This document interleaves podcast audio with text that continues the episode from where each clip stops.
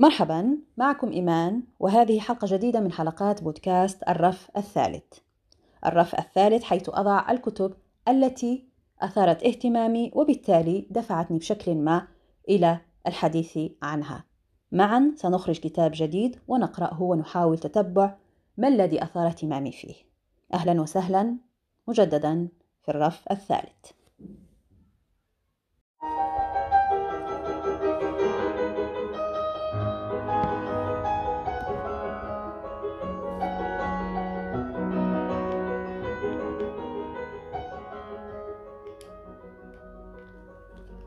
لا أعلم أين قرأت. وصف جميل للغاية. ودقيق أيضا. يجمع أعمال دوستويفسكي تحت مسمى الأعمال الحلمية. هناك دائما في أعمال دوستويفسكي خلط بين الواقع والحلم. أو لأكون أكثر دقة هو نجح في الجمع بينهما بشكل مذهل يستحيل معه على القارئ أن يميز بين ما إذا كان يقرأ حلما أم حقيقة وهما أم واقع. لا أبالغ إن قلت أن كتابي لهذا اليوم أو روايتي لهذه الحلقة قد تكون أسست لهذا المسار في أعمال دوستويفسكي ولا أبالغ أيضا إن قلت بأن هذا يذكرني بشكل كبير بالواقعية السحرية لدى كتاب أمريكا اللاتينية. طبعا مع فروقات كثيرة بين الأدب الروسي والأدب اللاتيني. إذا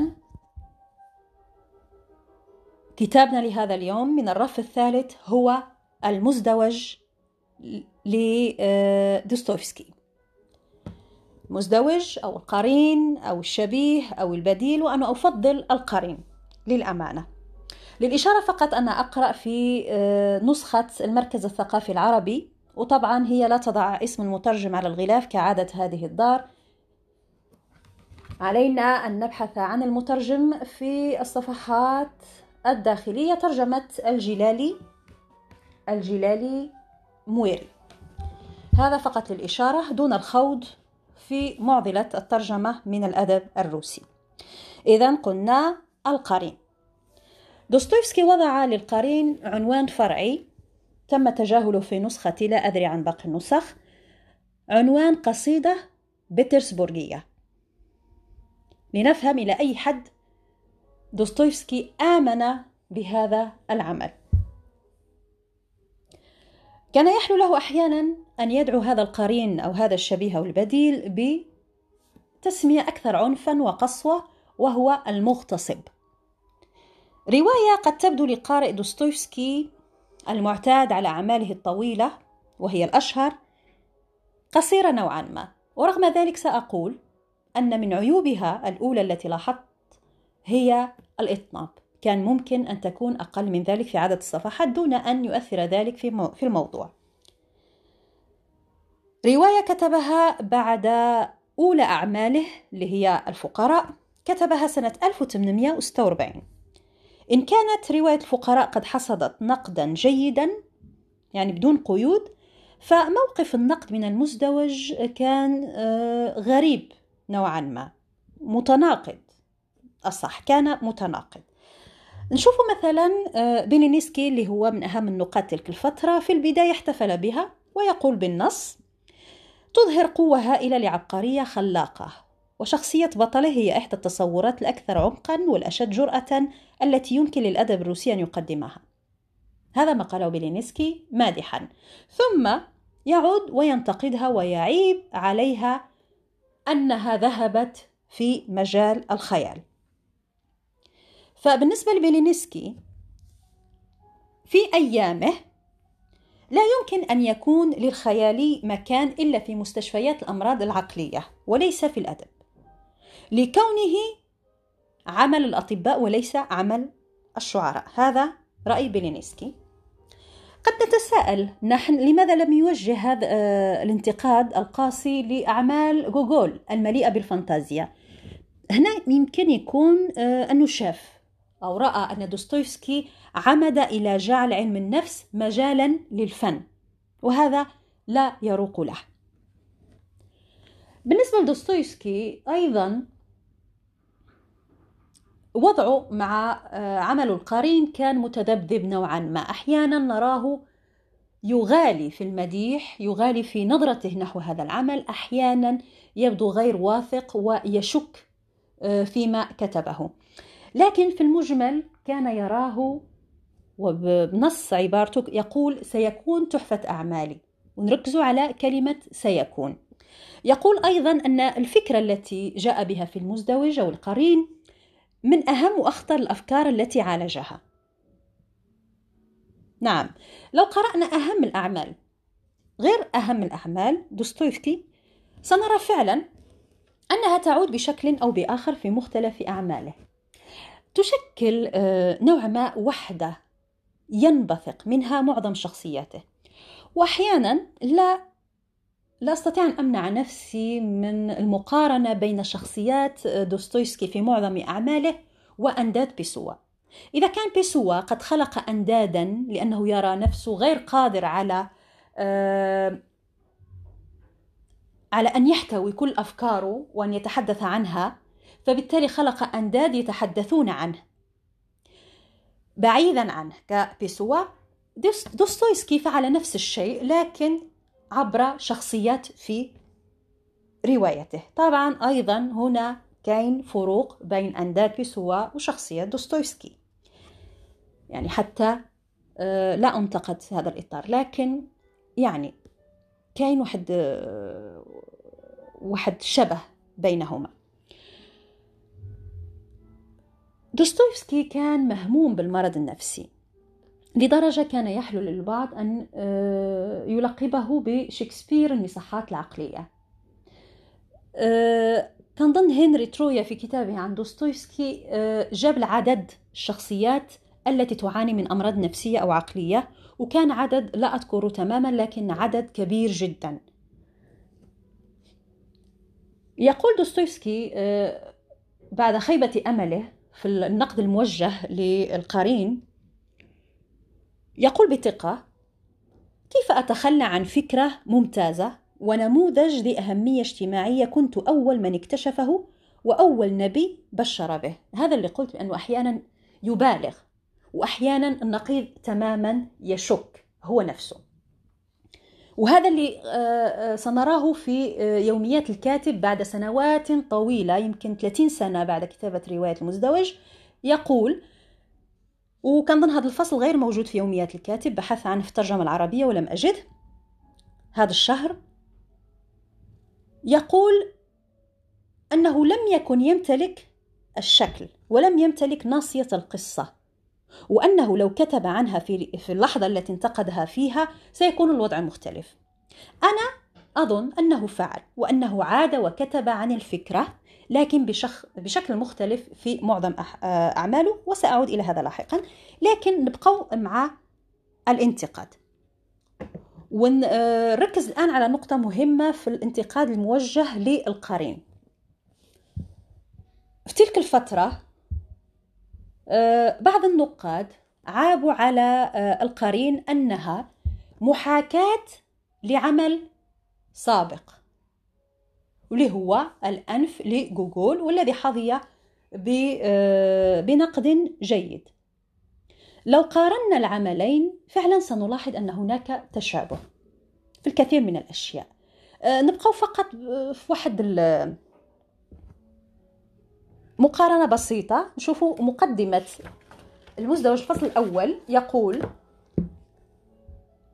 حوالي الثامنة صباحا استيقظ ياكوف بيتروفيتش جولياتكين المستشار الرسمي أخذ يتثاءب ويتمطى ثم فتح عينيه آخر الأمر ورغم ذلك لبث مستلقيا على سريره لا يتحرك دقيقة أو دقيقتين.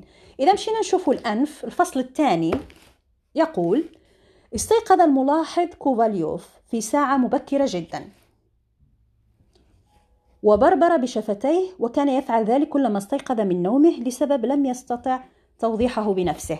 هنا كاين تشابه.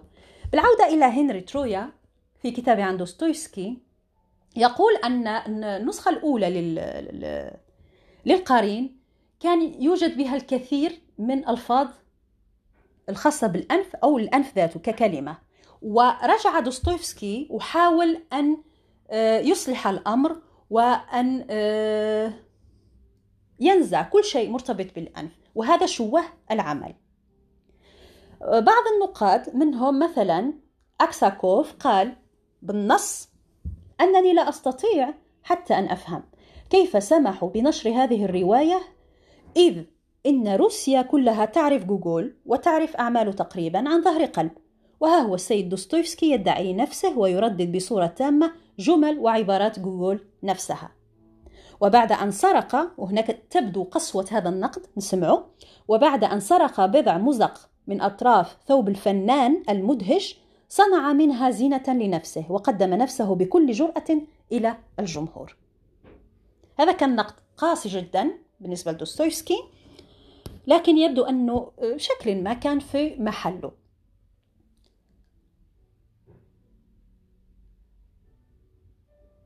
إذا قالوا عن المزدوج أنها محاكاة لأنف جوجول وربما كان صح أو تصح المقولة التي تقول بأننا جميعا خرجنا من معطف جوجول لكن يبدو أن دوستويفسكي خرج من أنف جوجول تحديدا وليس معطفه.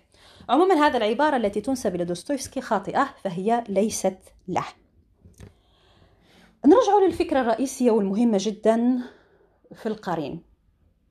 واللي خلتني أعتبر هذه الرواية جد مهمة لأدب دوستويفسكي تحديدا.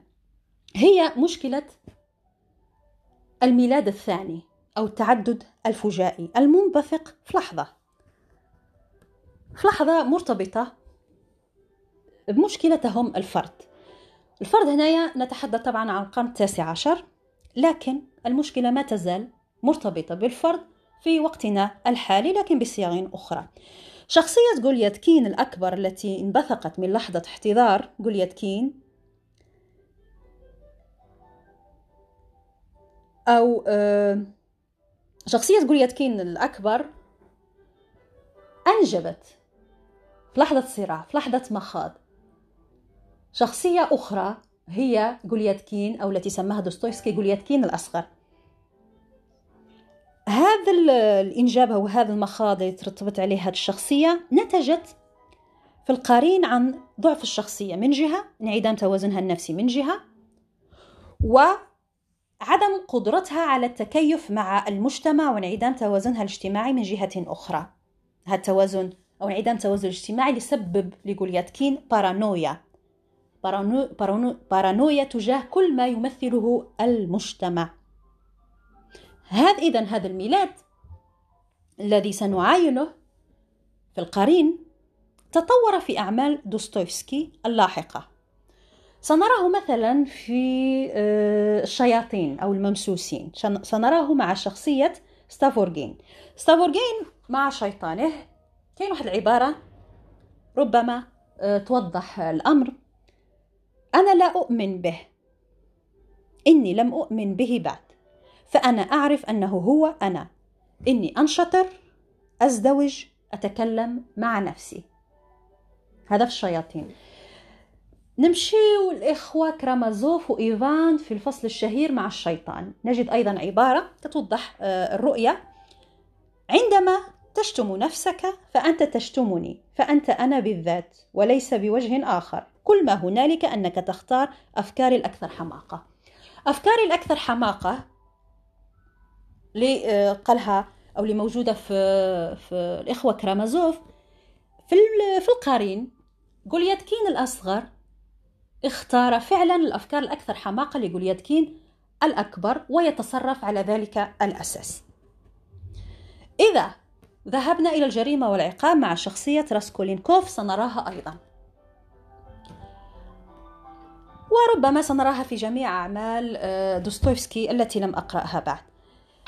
سنجدها لدى أهم شخصية بالنسبة لي في أعمال دوستويفسكي اللي هو الأمير مشكين الأمير مشكين كيوضحنا واحد الفكرة أن في الأزمنة القديمة طبعا في الوقت ديال مشكين. في الأزمنة القديمة كانوا الأشخاص ذوي شخصية واحدة. لكن الآن معاصروه أي معاصرو مشكين ذوي شخصية متعددة. إذا في القرين دوستويفسكي يقدم لنا حالة إكلينيكية. لما أقول حالة إكلينيكية بمعنى أننا نعاين هذا المرض من بدايته إلى نهايته. الأسباب اللي أدت إليه كيف انفجر وإلى ماذا سيؤول إليه وإن كانت النهاية تركها مفتوحة. نحن من سيكتشف هذه النهاية؟ نحن من سيحاول أن يتخيل إلى أي مدى وصلت شخصية جولياتكين؟ حالة إكلينيكية. من الفصل الأول؟ تتبدا هذه الحالة. من اللي يخلينا نحن كقراء لا نعرف هل نحن أمام حالة حقيقية أو حالة واهمة. آه، في الفصل الأول كيقول كما لو أنه لا يدري إن كان قد استيقظ تماما تماما أم ليس بعد. هناك آه، طبعا الكثير من الفقرات اللي يمكن آه، تخلينا نشك هل نحن أمام وهم أم حقيقة؟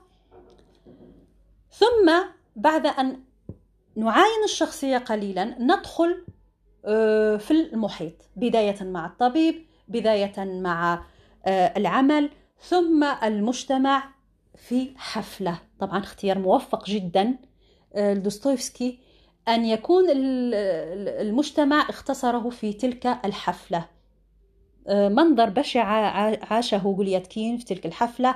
حفزه إلى الانفجار انفجار الوضع واللي هو أفضل الفصول التي قرأتها ربما لدوستويفسكي عموما اللي هو الفصل الخامس الفصل الخامس. نذهب إلى الفصل الخامس. الفصل الخامس أنا آه، أشرت إليه بأبوكاليبس. في اللحظة التي لم يعد لجولياتكين انعكاس في المرآة أنجب شخصيته الثانية اللي هي جولياتكين الأصغر. الوصف الذي وصف به دوستويفسكي اللحظة والمكان وطريقة اللقاء من أروع ما يكون سوداوية كئيبة مخيفة وكأنه فعلا آه، أبوكاليبس نهاية العالم. أترككم آه، لتكتشفوه. بعد هذا الأبوكاليبس كما ذكرت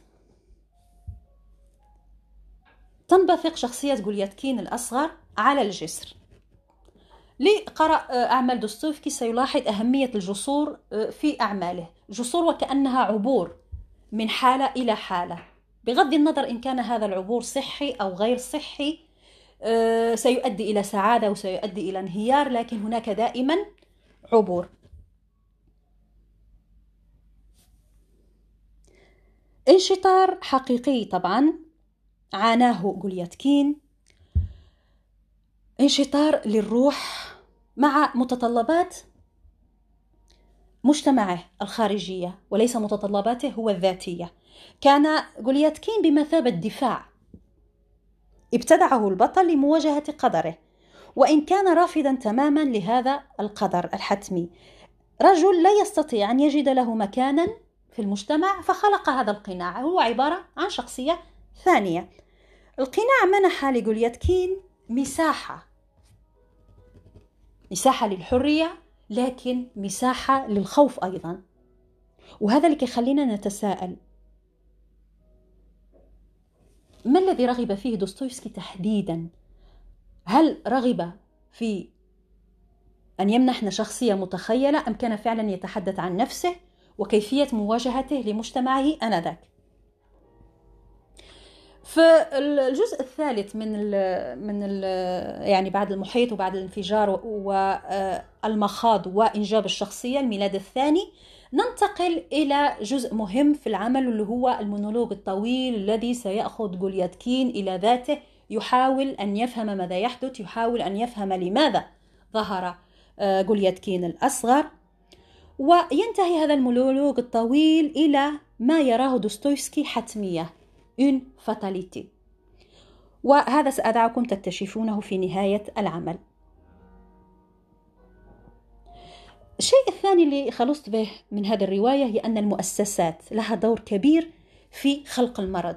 أو تشجيعه أو تطويره سواء كانت مؤسسة مجتمع بطبقيته أم مؤسسة آه، المؤسسات الصحية. يعني لما نشوف كيف يتحدث جولياتكين مع طبيبه هذا الجهل الذي رافق هذا الحوار من طرف الطبيب كان مرعب وساهم بشكل كبير في ظهور جولياتكين الأصغر.